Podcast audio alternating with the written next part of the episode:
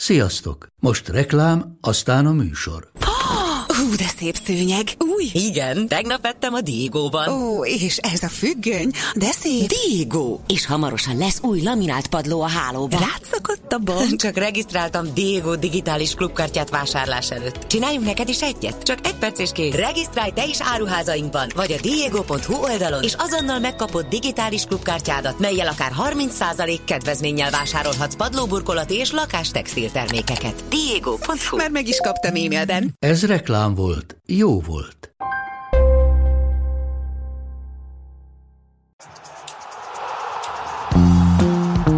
Ez a teljes terjedelem. Magyarország első futballpodcastja Baumstark Tiborral és Bognár Domával. És ezúttal kettesben Preisinger Sándorral, a Spiller szakértőjével, de ami még ennél is fontosabb, volt korosztályos válogatott szövetségi edzővel, volt magyar gólkirálya, légióssal, az angol foci szakértőjével, szóval nagyon sok minden miatt is érdemes és érdekes meghallgatni a te véleményedet Szoboszlai Dominik átigazolásáról, már csak azért is, mert korosztályos szinten te dolgoztál Dominikkal, ez pontosan mikor is és hogy is volt? Hát amikor oda kerültem az MLS-hez, akkor uh, ugye nekem az első olyan társaságom, ez a 2000-es korosztály volt, akihez ugye a Szévesi Zolihoz és a, a Belvonativához csatlakozhattam, és hát jó, nyilván nem én fedeztem fel a szoboszlai dominakat, de, de nyílt, és hát még mindig a fejemben van az a, az, az első edzés, amikor én le, lementem, ugye én nem, akkor még nem nagyon ismertem a korosztályt, és akkor pár labda érintést után azt hiszem a szélesinek mondtam, hogy te mondom, ki ez a gyerek, mondom, mert ennek olyan lába van, mondom, hogy ez, erről úgy sül a labda, meg úgy olyan helyre rúgja, ugye, hogy a szélesi Zoli szokta mondani, nem arra rúgja, nem oda. Tehát uh, már akkor nekem feltűnt az a, az a fajta technikai fölény, meg az a fajta uh, felkészültség, amivel a Dominik rendelkezett, és akkor utána ők, ők felhomályosítottak engem, hogy hát ez a Szoboszlai Dominik, akiből majd egyszer reményeink szerint jó játékos lesz, úgyhogy ez volt az első olyan, első edzés, első alkalom még ugye a Bernd Stortnál, amikor, amikor én oda kerültem. Az elmúlt napokban, hetekben rengetegen elmondták a véleményüket Dominikről, és nyilván nem is azt kérem tőled, hogy itt valami általános igazságot fogalmaz meg, meg hogy mondjuk egy dolgot emelj ki mindenképpen, de hogyha mégis mondjuk leszűkítenénk kettő-három olyan tényezőre, ami ismerve azt a korosztályt, hogy egyelőre úgy tűnik, hogy azért messze ő futja be a legkomolyabb pályát, mi volt az, amiben az első pillanattól kezdve kiemelkedő volt? Nyilván ő a, a játék intelligenciájával, a rugó technikájával emelkedett ki a, többiek közül, és ugye személyes tapasztalatból is tudom, hogy szerintem még amit, amit őt annyira nem hoztak előtérbe, az édesapjával emelkedett ki. Mert ugye minden nagy játékos mögött áll valaki, aki, aki úgymond cseszegeti nap, mint nap, meg próbálja a jó úton tartani, de ezt én, én személyesen is tapasztaltam, hogy az édesapja azért mindig ö, lenyesegette róla azokat a vadhajtásokat, vagy inkább olyan irányú elmozdulásokat, ami nem, nem azon az úton tartotta, és, és, és azt gondolom ez, ez, a, ez a Dominiknak a pályáját nagyon nagy mértékben meghatározta. Igen, azt most már tudjuk, hogy kedden csatlakozik a Liverpoolhoz. Már az előző podcast óta azt is megtudtuk, hogy 8-as messzámban fog játszani, sőt, anélkül, hogy még egyszer is látták volna a Liverpool mezben játszani a szurkolók, már szurkolói dalok is születtek róla és a fantasynek is az egyik arca lett a Premier League-ben. 7 millió fontért vásárolható meg egyébként Dominik, és nem biztos, hogy rossz lóra tesz, aki majd őt választja. Na de itt akkor beszéljünk arról, hogy te jó néhányszor láttad a Spiller szakértőjeként a Liverpoolt is játszani, és akkor innentől kezdve haladjunk azon a mesdjén, hogy ha beleképzeled, beleálmodod magad őt, vagy őt ebbe, hát akár magadat is beleálmodhatod, de még inkább Dominikot erre a Liverpooli középpályára, akkor hol és milyen szerepet szán neki majd Klopp szerinted? Egyértelműen, tehát látszik, hogy a Liverpool, és ezt nem, nem tőlem kell megtudni, de ők, ők azért tervezetten és nagyon jó profilozva igazolnak játékost. Tehát nem össze-vissza, mint mondjuk a Leeds United, aki bizonyos játékosokhoz igazol egy nem odaillő edzőt, hanem, hanem úgy egy, egy Red Bull iskolát kiárt és végigharcolt játékost, aki tökéletesen beleérik abba a fajta filozófiába, amit a Liverpool játszik. Tehát ezt a, a, a pressingelős, gegenpressingre épülő dinamikus játékot, amit Klopp nem nagyon akar elengedni, illetve hát az előző szezonban félig meddig majdnem azért buktak bele, mert nem akarta ezt elengedni, és olyan középpályás sora volt, aki erre alkalmatlan volt.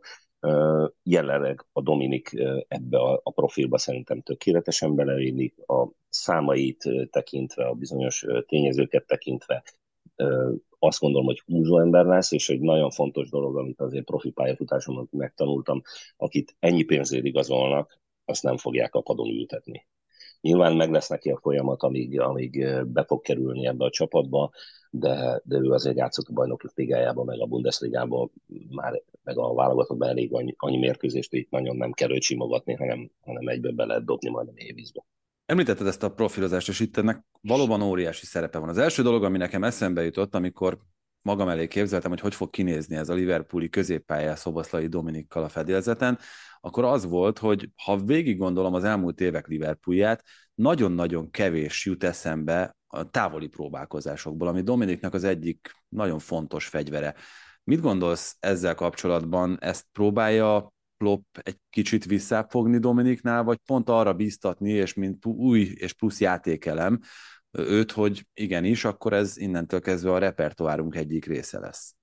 Biztos vagyok benne, hogy az, ut- az utóbbi, tehát hogy biztatni fogja erre, hiszen a Liverpool azért, azért véleményem szerint a következő szezonban is meghatározó erőt fog képviselni a, a Premier Ligában, és hát ellenük ugye általában a csapatok azért beállnak mélyebben védekezni, és én is arra biztatnám a saját védőimet, hogyha Dominik jobb lábán van a labda, akkor azonnal lépjenek ki még 30 méteren belül biztos, mert, mert az nem egy uh, életbiztosítás, hogy, hogy ő nem fogja eltalálni a kaput. Most hirtelen beugrott az a, az a norvégoknak rúgott uh, 93. perces gólja, amivel kijutottunk ugye annak idején az Európa-bajnokságra.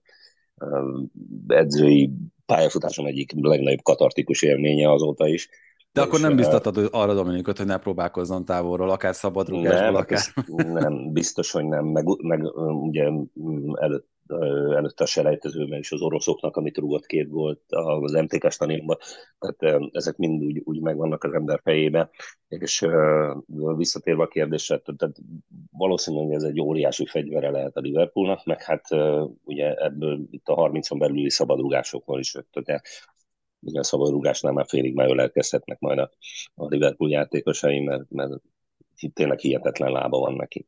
Igen, de itt jön mindjárt az a fontos kérdés, hogy ott van a liga egyik legjobb jobblábas szabadrugója Alexander Arnold személyében. Itt ez okozhat-e konfliktust, mert ugye nem csak azokról a szabadrugásokról beszélünk, amik a 16-os környékéről vannak, hanem ugye Alexander Arnold gyakorlatilag minden szabadrugást el szokott vállalni, ami az ellenfél tér felén van.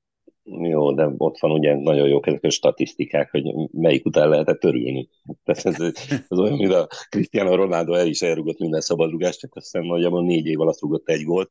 Tehát ott azért, az azért szerintem mérlegelni fogják ezt a szituációt, és, és nyilván a, a Dominiknak a lábát azt, azt nem fogják jegelni ilyen szempontból, de szerintem ők megoldják ezt, ebből nem fognak presztis kérdést csinálni, annyira főleg az Alexander Arnold nagyon érdekes az a tapasztalat, amit te szereztél a válogatottnál, mert egy kicsit abból a szempontból hasonló lesz most a helyzet, hogy egy új csapatba fog bekerülni a válogatottnál, azért majdnem mindig erről beszélhetünk, hiszen nincs arra lehetőség, hogy mondjuk egész évben együtt készüljetek. Mennyire volt fogékony, és mennyire tudta könnyen átvenni azokat az edzői és taktikai utasításokat Dominik annak idején, fiatalabban természetesen, mint most, amiket akkor szabtál rá, akkor mondtál neki, ami esetleg itt akár a Liverpoolnál is előjöhet majd. Dominik egy, egy azért egy meghatározó személyiséget csapaton belül. Nyilván ezt erről tudna sokat mesélni a Szélesi Zoli is, vagy a, a Belvan Attila is. Tehát ő, ő azért óhatatlanul is, amikor a csapatban volt, akkor a játékosok őt keresték. Amikor nem volt a csapatban, akkor kicsit más volt a csapatnak a játéka és ő egy olyan domináns személyiség, aki, aki úgy vonzza magához a figyelmet is, meg a labdát is. Úgyhogy uh, nyilván őt már akkor is valahogy úgy próbáltuk kezelni, mint egy leendő sztárjátékost. Tehát nagyon fontos, hogy a, a, a másik oldal, tehát az ő befogadó képessége, az ő agya is rájön arra, amit, amit mi szeretnénk. És ilyen megmagyarázás, közös konszenzus alapján ő nagyon befogadó volt ilyen szempontból, és hogyha megtalálta azt a fajta motivációt, vagy hát a, egyezett a gondolatvilág, illetve megtaláltuk az utat hozzá, akkor ő, ő tökéletesen megcsinálta ezt. De ezt én tapasztaltam ugyanúgy, amikor e, még annak idején láttam őt kint korábban a Lieferingbe játszani, vagy éppen a, a, a Salzburgba, tehát ő, ő az ottani filozófiát tökéletesen magáévá tette, és tulajdonképpen ebből épült fel a, a játékának az a része, amire, amit a válogatottban is most már nagyszerűen játszik, tehát a, ahogy pressingel, hogy van benne dinamika, hogy alázatos a, a, a csapatjáték tekintetében. Nyilván, amikor nálunk van a labda, akkor meg, akkor meg egy, egy kreatív forrás. Igen, itt ez egy érdekes kérdés, mert ha a válogatottat nézzük, akkor egyértelműen ő az alfa itt ebben a csapatban, sőt, sokszor még az omega is, Márko Rossi 11-ében, de hogyha megnézzük a Lipcsét, illetve a Liverpoolt összehasonlítva, akkor azért óhatatlanul az jut az ember eszébe, hogy Liverpoolban sokkal nagyobb egókkal fog találkozni. Tehát nyilvánvalóan Dani Olmo meg Enkunku is egészen kiváló futbalista, de hát talán mondjuk itt az egók szintjét nézve sincsenek ott, mint ahol Darwin Nunez, Salah, vagy éppen Van. Itt azért az nem várható el, mondom én, aztán rám cáfolhatsz a Liverpooli játékosoktól, hogy ugyanazon a polcon kezeljék őt, mint ahogy teszi azt, teszik azt például a válogatott béli csapattársai. Ez szerinted mit fog szülni itt az első időszakban? Mondjuk Dominik sem megy a szomszéd belgóért, ami ilyen közelben teljesen jó, és visszatérnek most itt az édesapjára, mert inkább Dominik, ahogy én figyeltem az évek során, inkább Dominiknak túl sok volt az egója, amiből sokszor vissza kellett venni, és, és szerencsére az édesapjára mindig jó hallgatott, és, és, és mindig valahogy vissza tudta billenteni, amikor túl csordult volna az a dolog. És nyilván ez a, a, a korosztályból is adódik. Nyilván az, hogy a sikerek, ahogy jönnek, ez, ez, ez nagyon nehéz neki feldolgozni folyamatosan, hogy ő egyre magasabban lesz.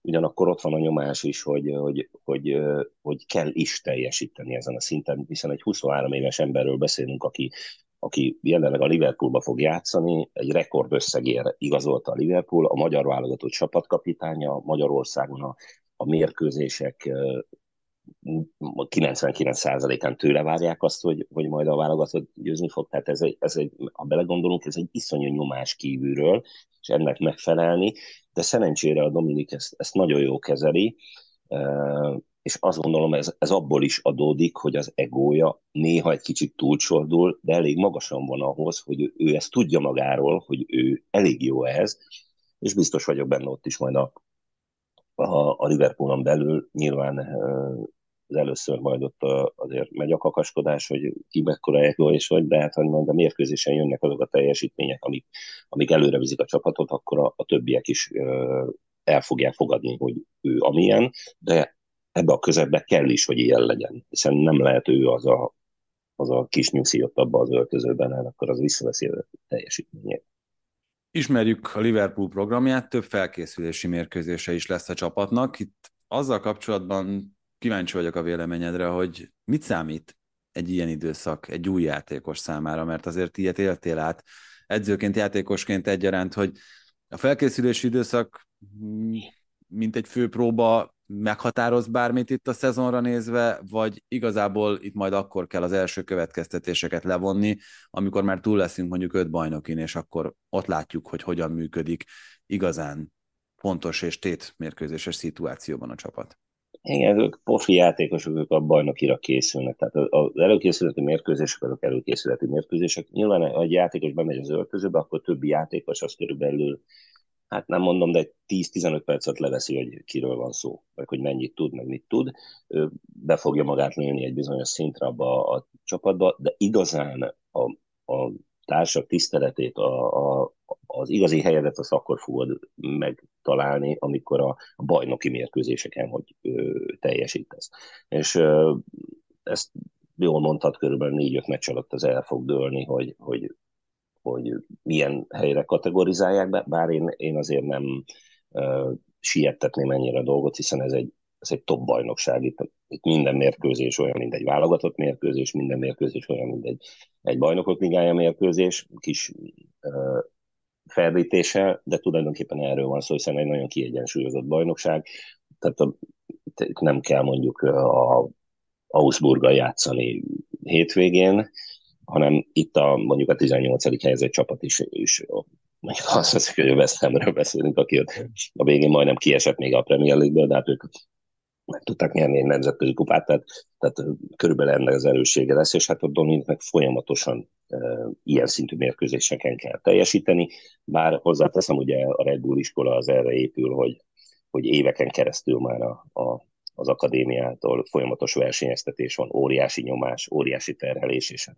olyan, mint egy ilyen túlélő tábor, tehát aki a végén túléli, az megmarad, és valószínűre, hogy, hogy be tudja futni ezt a szintű ö, ö, pályát, ami, ami most a Dominikra is vár.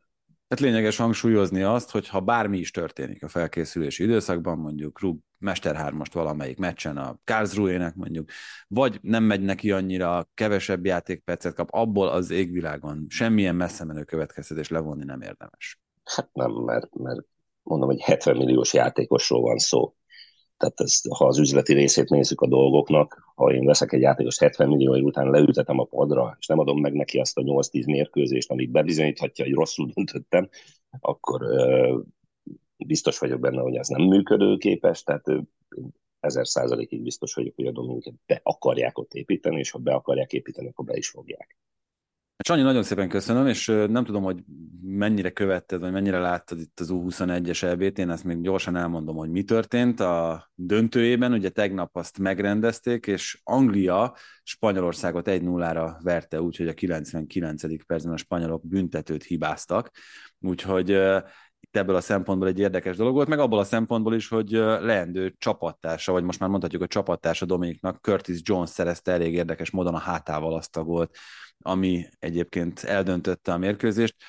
Palmernek, a City játékosának a szabadrugása pattant meg. Hát és akkor itt, hogyha végigmennénk azon, hogy Harvey Elliott a padról beállva, Curtis Jones, Palmer, aki elég sok meccset kapott már a Manchester City-ben, milyen játékosok játszottak ebben az angol U21-es válogatottban, akkor nagyjából megtudhatnánk azt, hogy miért ennyire erős jelen pillanatban az angol utánpótlás. Egészen elképesztő, hogy milyen erejű csapattal dolgozhatott az angol szövetségi edző, egyetlen egy gólt sem kapott Trefford kapus az egész torna alatt, ami azt hiszem, hogy megint csak egy, egy eléggé komoly jelzésértékkel bír. Tehát az angol válogatott az U21-es Európa bajnok, és még egy nagyon fontos szolgálati közlemény, az EFOT kezdődik Sukoron jövő héten szerdától egészen vasárnapig, és szerdán mindjárt a nyitónapon 18 órától várunk benneteket, mint fellépők a teljes terjedelemmel, Domával és Bencével leszünk ott, egy félórás beszélgetésre várunk benneteket.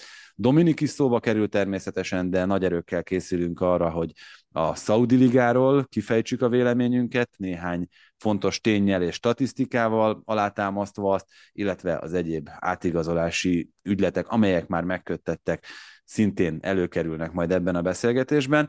Hát Sanyi, tényleg azt gondolom, hogy nagyon sok olyan érdekes dolgot tudtál elmondani, amiről eddig azért kevesen tudtak. Szurkolunk Dominiknak, ez biztos, nem? Egyértelmű, hát ez a magyar futballnak szerintem egy nagyszerű eseménye, hogy talán Détári Lajos után a következő óriási, talán világválogatott játékos is eh, bemutatkozhat a Premier Ligában. Hát ehhez is akkor sok sikert kívánunk, és a meghallgatást pedig nagyon szépen köszönjük ezúton, és találkozunk szerdán az EFOTon. Sziasztok! Ha más podcastekre is kíváncsi vagy, hallgassd meg a Béton műsor ajánlóját. El tudod képzelni, hogy a podcastet, amit éppen most hallgattál, fél év múlva már a mesterséges intelligencia generálja? Mi sem. De ha érdekel, eljötte már a gépek lázadása. Hallgass bele az Embertelen podcastbe. Orsós Lajos vagyok, a műsor házigazdája. Egyelőre még élőben. Egyelőre. Fedezzük fel együtt, hogyan ismerkedik, randizik, mesél és vitatkozik Betty és Péter, két teljesen mesterséges intelligencia. Lajos, a podcast címét mond még egyszer, Léci. Oké. Okay. Embertelen podcast. Ez a műsor a Béton közösség tagja.